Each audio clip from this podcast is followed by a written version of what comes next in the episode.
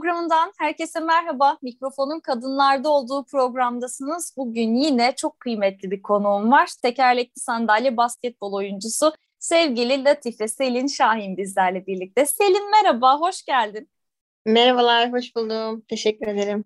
Nasılsın, iyi misin? Teşekkür ederim, iyiyim. Sizler nasılsınız? Ben de iyiyim, çok teşekkür ederim. Seninle Victoria'da birlikte olmak çok güzel. Eminim ki çok da böyle e, güzel bir yarım saat geçireceğiz diye düşünüyorum. Keyifli e, sohbet olacak. Hemen şuradan başlamak istiyorum. Avrupa'ya transfer olan ilk engelli kadın basketbolcusun. Yani bu böyle çok nasıl desem güzel bir duygu değil mi? Biraz anlatsana lütfen onu. Yani neler hissediyorsun böyle çünkü seninle alakalı araştırma yapmak için bile girdiğimde her sayfada ilk önce karşıma bu cümle çıkıyordu. Gerçekten senin adına çok sevindim. Duygularını almak isterim. Ee, aslında bu e, çok büyük bir sorumluluk aynı zamanda. Yani evet benim için çok gurur verici, çok güzel bir duygu. Ee, yani aslında ben transfer olurken de hani bu anlamda ilk olduğumu ve e, bu kadar ses getireceğini de tahmin etmiyordum açıkçası. Ama bunun yanı sıra çok büyük bir sorumluluk yükledi bana. Çünkü e, arkadan gelmek isteyen insanlar oldu biz de yapabiliriz, nasıl yapacağız ya da sen gittin, nasıl oluyor bu işler falan filan diye çok fazla soru aldı. E, o yüzden bu tarzda sohbetler çok iyi oluyor bunlara cevap vermek için. E, benim için e, güzel yanlarından çok e, çok büyük sorumluluklar getirdi diyebilirim açıkçası. Şimdi İtalya'ya geleceğiz. Onu mutlaka bir konuşacağız. Çünkü bir kere zaten başlı başına hem çok güzel bir ülke hem de e, hakikaten senin transferinde az önce bahsettiğimiz gibi çok Hı-hı. çok önemli. Orada yaşadığın şeyler de çok kıymetli. Ama öncesinde şuna bir e, gelmek istiyorum. Şimdi e, özel gereksinimli bireylerin e, sporun içinde var olma süreçlerine çok güzel bir örneksin aslında. E, bu yüzden öncelikle seni kutluyorum. E, gerçekten başarılarını duydukça da onarı oluyorum öyle söyleyeyim. Biraz o spora başlama hikayeni aslında öğrenmek isterim. Yani evet basketbol oyuncusun e, ve çok da güzel başarıları da imza atıyorsun. O hikayeyi bize biraz anlatır mısın? E, açıkçası bizim ülkemizde her ne kadar engelli olmak tabuysa e, spor yapan bireylerde bu kadar öyle bir tabu yani. Ve ben daha önce hayatımda hiç engelli insanlarla bir arada bulunmamıştım. Yani e, spora başlayana kadar çevremde engelli bireyler yok. Spor yapmıyorum, spordan uzağım sporcu çevresine, camiasını bilmiyorum. Yani tamamen uzağım ve e, inanılmaz derece ön yargılıydım. Bir engelli birey olarak ben bile ön yargılıydım yani. E, ben de e, beden eğitimi öğretmenimin e, beni bu şekilde çok zorlamasıyla hani sadece izleyerek en azından izle en azından bir deneyelim en azından bir seni bir branşa yönlendirelim demesiyle açıkçası hani e, başlamak istedim. E, daha sonra bir Galatasaray Beşiktaş tekerlek sanayi basketbol maçı izledim ve kendi ön yargılarımı kırdım. Kendi içimde çeliştiğim noktaları fark ettim ve e, aslında yapılabilirliğini gördüm. Aslında kaçmam gerekmediğini, e, kaçtığım şeyin kendim olduğunu fark ettim açıkçası. Spora başlama hikayem böyle oldu. E, yani daha çok öğretmenlerimin desteklemesiyle oldu açıkçası. Biraz o kaçma duygusu dedin ya hani işte engelli bir birey olarak aslında ben de hani e, işin içinde değildim ve işte çok fazla e, karşıydım dedin hatta. Hı-hı. Nasıl bir duygu? Yani neden öyle hissettin ki? Zaten tabii ki hayatın e, zorluklar içerisinde haliyle. Çünkü 3 e, yaşında geçirdiğin bir e, trafik kazasından dolayı zaten engellisin ama hayatın zaten yeterince zor. Hani bir de böyle işte spordu, işte o kadar çalışmaydı. Hani nasıl başaracağım, nasıl yapacağım diye düşündüğün için mi acaba böyle hissettin bilmiyorum ama. Değil şöyle e, tamamen e, engelimden kaçmak. Yani aslında şunu bu şekilde açıklayabilirim. E, ne sosyal çevrem ne ailemde hani engelli bir birey olduğum anlaşılmıyordu. Yani hani insanlar bana engelliymişim gibi davranmıyordu ve ben kendimi çok normal görüyordum açıkçası.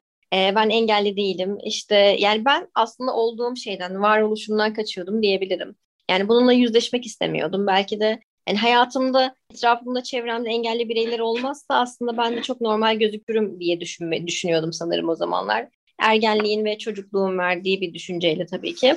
Ve hani sosyal çevrem, çevremde, akrabalarımda, ailemde herhangi bir engelli bir birey olmaması, bu anlamda yönlendirebilecek doğru bir örnek olmaması da bana çok büyük bir etkendi.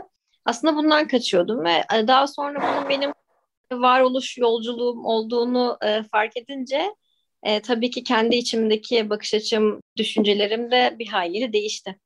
E, spora başladın, basketbolla tanıştın. Ve işte evet. hayatın herhalde bir anda o aradığın şeyi buldun yani değil mi? Evet bir ışık varmış orada ve aslında onu görmüş oldun ve yakalamış oldun. O zamanları biraz anlatabilir misin? İlk basketbola başladığında neler hissettin? O zamanlar çok heyecanlıydı. Aslında heyecanım hala aynı. Heyecanım hiç geçmiş değil basketbol konusunda. Çünkü her yeni bir takıma gittiğimizde ya da her sene milli takıma gittiğimizde sanki ilk defa gidiyormuşum gibi oluyor. Ya da her farklı takıma gittiğimde sanki daha ilk yeni başlıyormuşum ve ilk 16 e, yaşındaki kız çocuğuna geri dönüyorum açıkçası. O heyecanım hala devam ediyor ama o dönemler de çok güzel ilk başladığım zamanlar. Çok merakım vardı nasıl olur, nasıl yapabilirim, e, ben bunu yapabilir miyim diye sürekli sorguluyordum kendimi ama hani hiçbir zaman yapamayacağımı düşünmedim açıkçası. Ben bunu yaparım, bunda ilerlerim.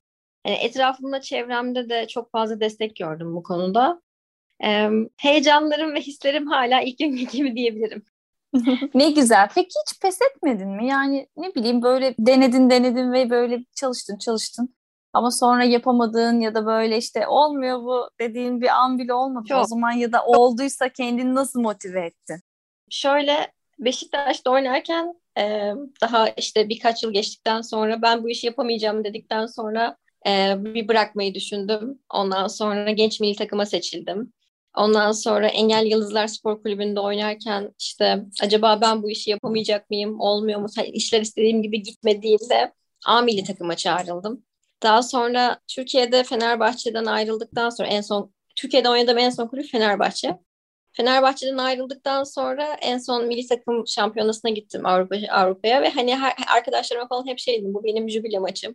Ben artık basketbol oynamayacağım, bir daha milli takıma gelmeyeceğim falan dediğimde İtalya'dan teklif aldım. Yani açıkçası kendi kendimi motive etmeme fırsat gelmesin. Fırsat kalmadan e, bir şekilde hayat beni motive etti. Yani hani sen bırakamazsın, devam edeceksin de, deme, deme şekliydi belki de bilmiyorum hayatın. Hani ne zaman çok yorulsam, ne zaman bırakmaya karar versem, ne zaman artık ben bunu yapamıyorum desem bir şekilde farklı kapılar açıldı. Farklı yollara gittim. Yani genç milli takım bambaşka bir tecrübeydi. A milli takım hala öyle. İtalya zaten çok uzun bir mevzu. o yüzden evet, evet. bir şey başka yollara girme şansım oldu. Tam da o mevzuya gelelim bence. Biraz da tabii İtalya'yı konuşalım. E, çünkü gerçekten çok güzel bir şey değil mi bu şekilde e, anılmak? Yani Avrupa'ya transfer olan ilk engelli kadın basketbol oyuncususun. Ve gerçekten yani bilmiyorum ama müthiş. Biraz bize İtalya'yı oradaki kulübünü neler yaptığını ve ilk transfer olacağını yani kesinleştiğinde e, böyle bir teklif geldiğinde duyduğunda neler hissettiğini anlatır mısın? E, şöyle ben Türkiye'de kendi kulübümden ayrılmıştım zaten Fenerbahçe'den ayrılmıştım ve e, milli takım sürecimiz başlamıştı. Milli takımdan döndükten sonra işte herkes soruyordu ne yapacaksın, hangi kulüple anlaşacaksın falan ama hani ben hiçbir fikrim yoktu. Yani Avrupa'ya gitme, e, Avrupa'da oynamak hep hayalimdi ama bu gerçekleştirebileceğim bir hayal gibi görmüyordum açıkçası bunu. Yani sadece şeydim yani hani spora başlayan herkes bunun hayalini kurar gibi. Ben de herkes kadar istiyorum gibi düşünüyordum açıkçası. Sonra İtalya'dan böyle bir teklif aldım. Ee, Avrupa Şampiyonası'nda rakiplerimizdi e, antrenörü. Ee, daha sonra kendi milli takım antrenörümle konuştum. Ben gidebilir miyim, yapabilir miyim bilmiyorum dedim. O da bana şey dedi, e, gidersen ilk olacaksın ve gidersen çok büyük bir e, getirisi olacak sana dedi. Gidersen çok konuşulacaksın. Yani bundan seneler sonra bile herkes seni konuşacak dedi. Ben o zaman biraz gülmüştüm hocayla. Yok dedim öyle bir şey olamaz yani hani sadece gideceğim, oynayacağım, geri, geri, geri geleceğim yani başka bir şey olacağını zannetmiyorum falan dedim. Sonra İtalya ile anlaştık. Ee, şehri gezmeye ve takımı görmeye gittim. Aslında sadece hani görüp bir gelecektim. Sözleşme yapma fikrim yoktu. Ama sonra gittim, sözleşmemi yaptım geldim. İtalya sürecim böyle başladı. İtalya'nın öyle bir etkisi var ama değil mi? Yani evet. oraya gidiyorsun ah ne kadar güzel bu falan diye düşünüp sonra bir baktın ah aslında hiç aklında transfer düşüncesi yoktu, imza atma düşüncesi evet, yoktu ama. İtalya'da buldum kendimi yani. Hani aslında benim için çok hızlı bir süreç oldu. Yani hiç Avrupa hayali kurmazken bir anda İtalya ile anlaştım. Yani farklı bir tecrübeydi açıkçası. Ee, gerçi pandemi sürecine denk geldi ama değil mi? Bir de öyle bir durum da var. Evet. Yaklaşık 8 ay sonra pandemi başladı ve İtalya'da pandemi en e, ilk olarak en yoğun derece yaşayan ülkelerin arasındaydı. O süreç daha farklı ilerledi açıkçası benim açımdan. Yani giderken biz e, her türlü kötü, kötü senaryo yazmıştık açıkçası. Hani gidersem e, takımla problem yaşayabilirim. takım kötü olabilir, bazı sorunlar yaşayabilirim. Aslında birçok problemi göze alarak gitmiştim ama e, tabii küresel bir sorun olacağını, pandemide sokağa çıkma yasakları olacağını, Türkiye'ye dönemeyeceğimi falan hiç hesaba katmamıştık. Bu yüzden biraz e, biraz vurgun yedik yani oradan. Ki ama hakikaten İtalya gerçekten çok kötü bir durumdaydı. Yani biz o zaman hani daha e, Türkiye'ye o kadar gelmemişti e, koronavirüs ama İtalya gerçekten müthiş kötüydü. E, evet. O süreçte umarım korona olmamış olmadın değil mi? Yani öyle bir şey olmadı. Oldu mu? Yaşamadım. Benim zaten yaşadığım şehir İtalya'nın en güneyinde. Çok küçük bir şehirde. Yani çok şehire dışarıdan giriş çıkışlar vesaire olmadığı için e, zaten sokağa çıkma yasakları başladığında ilk Hı-hı. başta Kuzey İtalya çok kötü durumdaydı. E, daha sonradan Güney İtalya'da da sokağa çıkma yasakları falan başladı. O süreç de bir ay, bir buçuk ay kadar sürdü. Sonra çok zor bir şartlarda geri döndüm. Hı-hı. Ama bir de şey de var tabii. E, o süreçte yani antrenman yapmak, ne bileyim spor yapmak onlar da tabii ki çok zor oldu. E, zaten e, liglerimiz bizim devam ediyordu. Maçlarımızı oynamaya devam ediyorduk orada. E, sonradan ligleri e, bitirdiler. Yani üç gün içinde karar alındı. Ligler bitirildi. Zaten spor salonları kapatılmıştı. E, gidip gelemiyorduk yani. Yaklaşık bir ay kadar orada yalnız kaldım sokağa çıkma yasağında. Sonradan geri döndüm. Sonra zaten Türk Hava Yolları ile geldin değil mi? Yani Evet. Özel olarak geldin Özel. diye hatırlıyorum ben. Evet evet öyle geldi. Hatta burada da bir süre karantinada kaldım. Burada da kaldım. Ee, peki biraz da kadın sporcu olmayı konuşalım. Şimdi biz Victoria'da kadın sporcularımızı ağırlıyoruz. Ben onlarla gerçekten e, sohbet etmeye bayılıyorum ve e, özellikle de zaten vurgulamak istediğim nokta bu programda gerçekten kadınların bizim kadınlarımızın, bizim sporcu kadınlarımızın ne kadar başarılı oldu. Hakikaten e, gerekli imkan verildiğinde e, sizler de o yetenek ve özveriyle gerçekten çok güzel işler başarıyorsunuz. Biraz Türkiye'de kadın sporcu olmayı konuşalım istiyorum seninle. Kadın basketbol oyuncususun. E, neler söylersin bu konuda? Açıkçası e, Türkiye'de kadın olmak zor. Yani Türkiye diye aslında genellememek lazım ama kadın olmak başlı başına bir zor. Engelli bir birey olmak zor. Sporcu olmak çok zorken bunu üçü, üçünü bir arada yapabilmek gerçekten çok e, kolay olmuyor. E, açıkçası hani, yani spora kadın sporcu olmak değil de spora bakış açımızı eleştirecek olursam e, sporu asla gerçek bir meslek olarak görmüyoruz biz toplum olarak. E, bu yüzden hani spor yaparken bir her zaman bir zor, şu, şu zorluk oluyor. Okulda giderken işte okulu seçmek zorunda kalıyorsun. E, ya da ya işe işe başladığında bir taraf seçmek zorunda kalıyorsun. Yani açıkçası ben spor hayatım boyunca hep bir şeyi tercih etmek zorunda kaldım. Ve bu zamana kadar da hep sporu tercih ettim. E, akademik anlamda hep e, ikinci an ikinci planda bıraktım. Yani üniversiteyi 5 yılda bitirdim. o yüzden hani benim açımdan bu tarz zorlukları oldu. Ama onun dışında bunun hepsini yapabildiğinde de çok büyük bir haz veriyor sana. Çünkü e, bir kadın olarak, e, sporcu olarak e, bunu gösterebilmek, bunu başarabilmek, bunu Avrupa'da gö- gösterebilmek, e, bayrağımızı taşıyabilmek gerçekten çok gurur verici benim açımdan. Hı hı.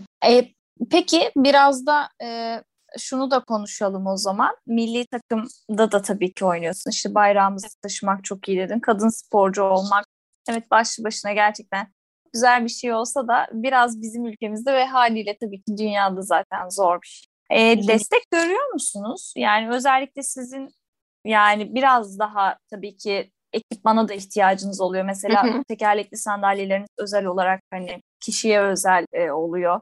İşte benim bildiğim e, kadarıyla yani bildiklerim bunlar. Yani yeteri kadar destek görüyor musunuz?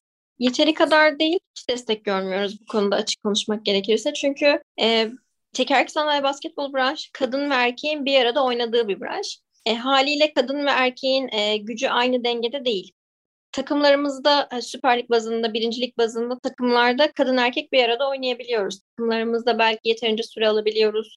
Takımlarda para kazanabiliyoruz ama milli takım bazında olduğu zaman erkekler ve kadın olarak ayrıldığımızda e, kadın A milli takımına yeterince destek verilmiyor maddi manevi anlamında. E, bilinirliğimiz çok az. E, Avrupa'da çok fazla derece alamıyoruz. Derece alamadığımız için de bilinmiyor. E, derece alama, alamadığımız için de kamplar verilmiyor ya da e, destek verilmiyor. Bu anlamda e, yeteri desteği görmüyoruz ama yine de bırakmıyoruz, devam etmeye çalışıyoruz. Kendimizi göstermeye ve E, branşımızı tanıtmaya devam ediyoruz. E, bu spora birilerinin gelmesini sağlamaya çalışıyoruz. Birilerine örnek olmaya çalışıyoruz. E, bizim için şu an bu kadar. Hı hı. Aslında hepsi birer sanki böyle zincir gibi değil mi birbirine Hı hı. bağlı. Yani Kesinlikle. olmadığı zaman zaten ötekini etkiliyor ve o da olmuyor. O zaman başarı olmuyor. Başarı olmadığı zaman zaten destek vermeye gerek yok gibi düşünülüyor. Böyle ki devam ediyor. Peki neler olsun? Onu sorayım. Yani öncelikli e, ihtiyaçlar, öncelikli yapılması gerekenler, onlar neler sence? Ee, bilinirliğimiz artsın istiyorum açıkçası. Ee, en önce e, engellilik kavramı olarak farkındalığımızın artmasını istiyorum. Aslında en büyük temennim ve e, benim hayata geliş amacım sanırım bu. Yani hep bunu böyle kabul ediyorum. Ee, bir engelli birey olarak farkındalığımızın artmasını istiyorum. Bilinirliğimizin, yaptığımız branşın, branşlarımızın, e, bütün paralimpik branşların e, bilinirliğinin artmasını. E, çünkü her alanda birbirinden başarılı sporcularımız var ve yeterli kıymeti görmediğimizi düşünüyorum açıkçası bu konuda. Bunun bilinir, bilinirliğinin artmasını istiyorum, farkındalığımızın gelişmesini istiyorum ve e, bu bizim toplumumuzda ön yargıyı da kıracağını düşünüyorum açıkçası. Çünkü normal bir engelli bireyi anlattığında e, yani çok fazla e, desteği görmüyoruz ya da e, hep ön yargılarla karşılaşıyoruz. Ama herhangi bir sporcunun başarılarından bahsettiğimizde bu engelli bireylerin toplumsal anlamda da e, ön yargıların kalkacağını düşünüyorum açıkçası. Hı hı. Aslında biraz daha yani daha mı zor olacağını düşünüyorlar. Zaten yeterince hani işte hayatımız zor. Hani bir de üstüne e, farklı şeylerle işte spor gibi çünkü spor e, bir kere zaten devamlı yapılacak bir şey. Özveri istiyor, işte beslenmen ona göre oluyor, e, işte her gün mutlaka çalışman gerekiyor, emek vermen gerekiyor. Biraz da herhalde onun zorluğu mu acaba gözlerini Yani- korkutuyor? Korkular şey oluyor, e, erişim problemi. Yani yollar, nasıl gideriz, nasıl yaparız problemi oluyor açıkçası. E, bunların da e, ben her zaman söylüyorum yani e, bir şeyin gelişmesi için bunu istemek lazım, bunu talep etmek lazım, bunu beklemek lazım ve göstermek lazım yani. E, dışarıda olmak, hayatın içine karışmak gerekiyor ki e, toplum bize göre de şekillensin. Bu yüzden hayatın içinde olmayı her zaman tercih ediyorum ben. Hı hı. Başrolde olmayı yani süper. Aslında söylediğin şey çok doğru. Yani gerçekten hayatın içine karışmadan ve insanlardan bazı şeyleri talep etmeden, e, mutlaka sesini çıkarmadan işte ben burada oturayım ama birileri benim yerime düşünsün ve hani isteklerimi yerine getirsin. Evet. Evet yollar çok düzgün olmayabilir ya da e, her yerde asansör olmayabilir ama ben evde oturduğum sürece bu değişmeyecek zaten yani hani kimse bunun farkına da varmayacak. Önemli, önemli olan e, bizim bu farkındalığı kendimiz elde etmemiz, kendimiz almamız yani. Hı hı. İşte e, senin gibi böyle e, başarılara imza attıkça da ve bizler de tabii ki e, bunları böyle elimizden geldiğince hatta fazlasıyla da duyurmaya çalışıyoruz. Victoria'da olduğu gibi. E, böyle başarılar arttıkça ben e, inanıyorum ki daha güzel şeyler olacak. Çünkü e, bir rol modelsin e, neticede. Gençlere özellikle yani küçük yaşta böyle e, spora başlayıp ya da başlamak isteyip cesaret edemeyenlere ya da işte bir şey yapması gereken kişilere gerçekten örnek olduğunu düşünüyorum. Ee, bundan sonraki süreçlerde seni nasıl göreceğiz acaba? Kendinde böyle bir kariyer hedefi var mı ya da yapmak istediklerin? E, bu saatten sonra aslında e, milli takımla devam ediyorum. İtalya'dan döndükten sonra e, herhangi bir e, kulüple anlaşmadım Türkiye'de. E, çünkü Avrupa'ya gittikten sonra e, oradaki standartlarda, oradaki yaşam biçiminden sonra e, yaptığımız şeyin çok da spor olmadığını anlıyoruz burada. E, yani biraz daha zor açıkçası burada bazı şeyleri halledebilmek, bazı şekilde mücadele edebilmek bununla. Milli takımla devam ediyorum ve e, bu zamana kadar ikinci plana attığım her şeyi şu an ön plana çıkartıyorum. Kariyer anlamda biraz daha ilerlemeyi tercih ediyorum. E, İstanbul Üniversitesi Spor Bilimlerinde spor yöneticiliği mezunuyum. E, bu saatten sonra hani saha içinde elbette hani elimden geldiğince olmak isterim. Çünkü bu heyecanımı kaybetmediğim sürece zaten hep sahanın içinde olmak isterim yani.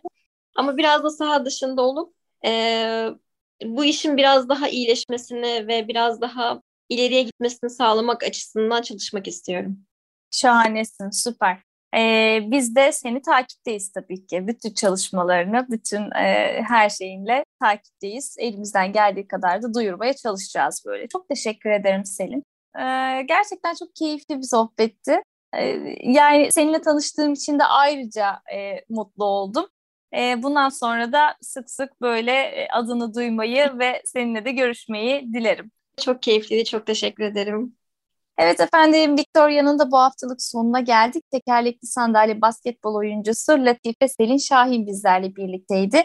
Her zaman olduğu gibi yine Victoria'da kadın sporcularımızı ağırlamaya devam ediyoruz. Haftaya yine aynı gün ve saatte tekrar görüşmek dileğiyle. Hoşçakalın.